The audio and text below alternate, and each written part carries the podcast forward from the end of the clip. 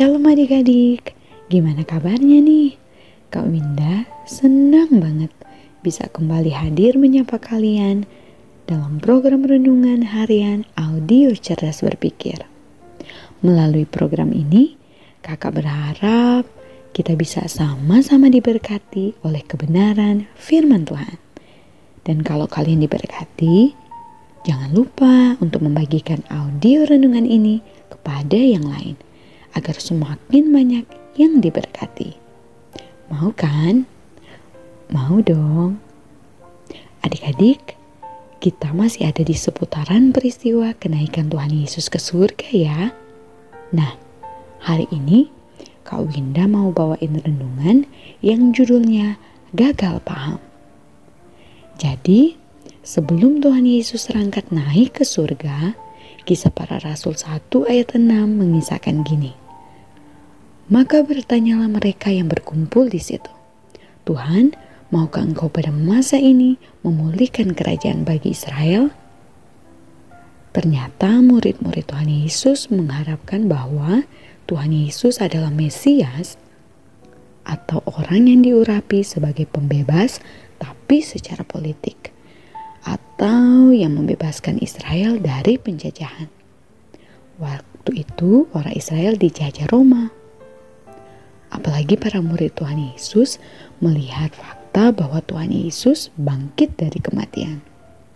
Mungkin mereka mikir gini, Hmm, Tuhan Yesus hebat dia bangkit dari kematian. Artinya dia kuat.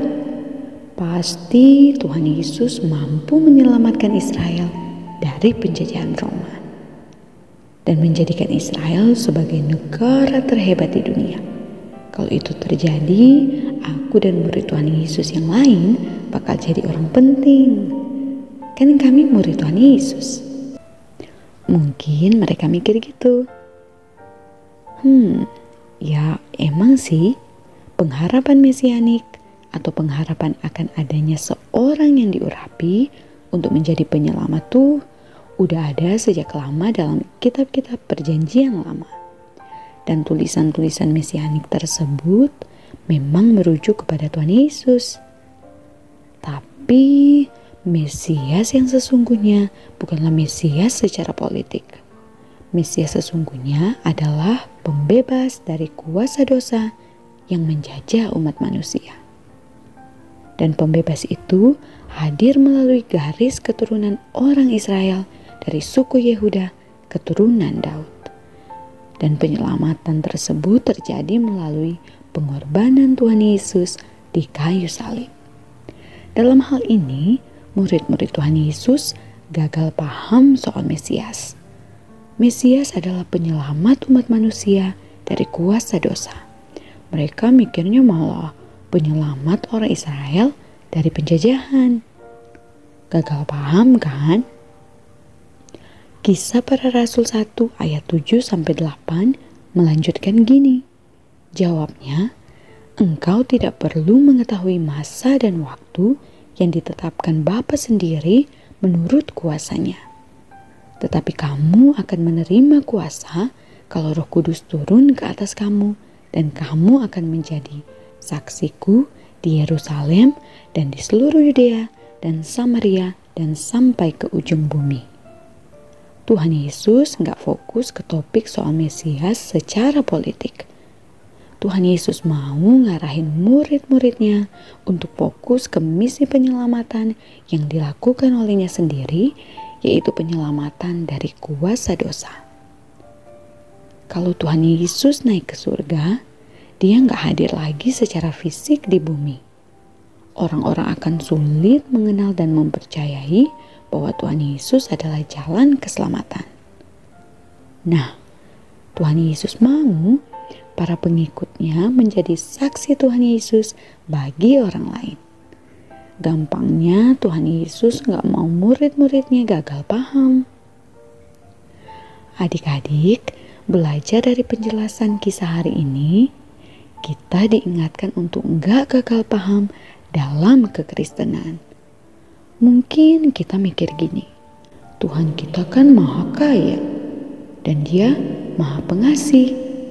kalau aku datang beribadah kepadanya, terlibat berbagai aktivitas pelayanan gereja, dan kasih persembahan, Tuhan pasti berkati aku, bahkan berlimpah-limpah. Kalau aku kasih persembahan, Tuhan pasti kembalikan berkali-kali lipat.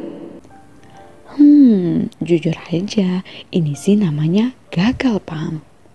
Kekristenan itu bukan soal kita diberkati secara materi atau enggak.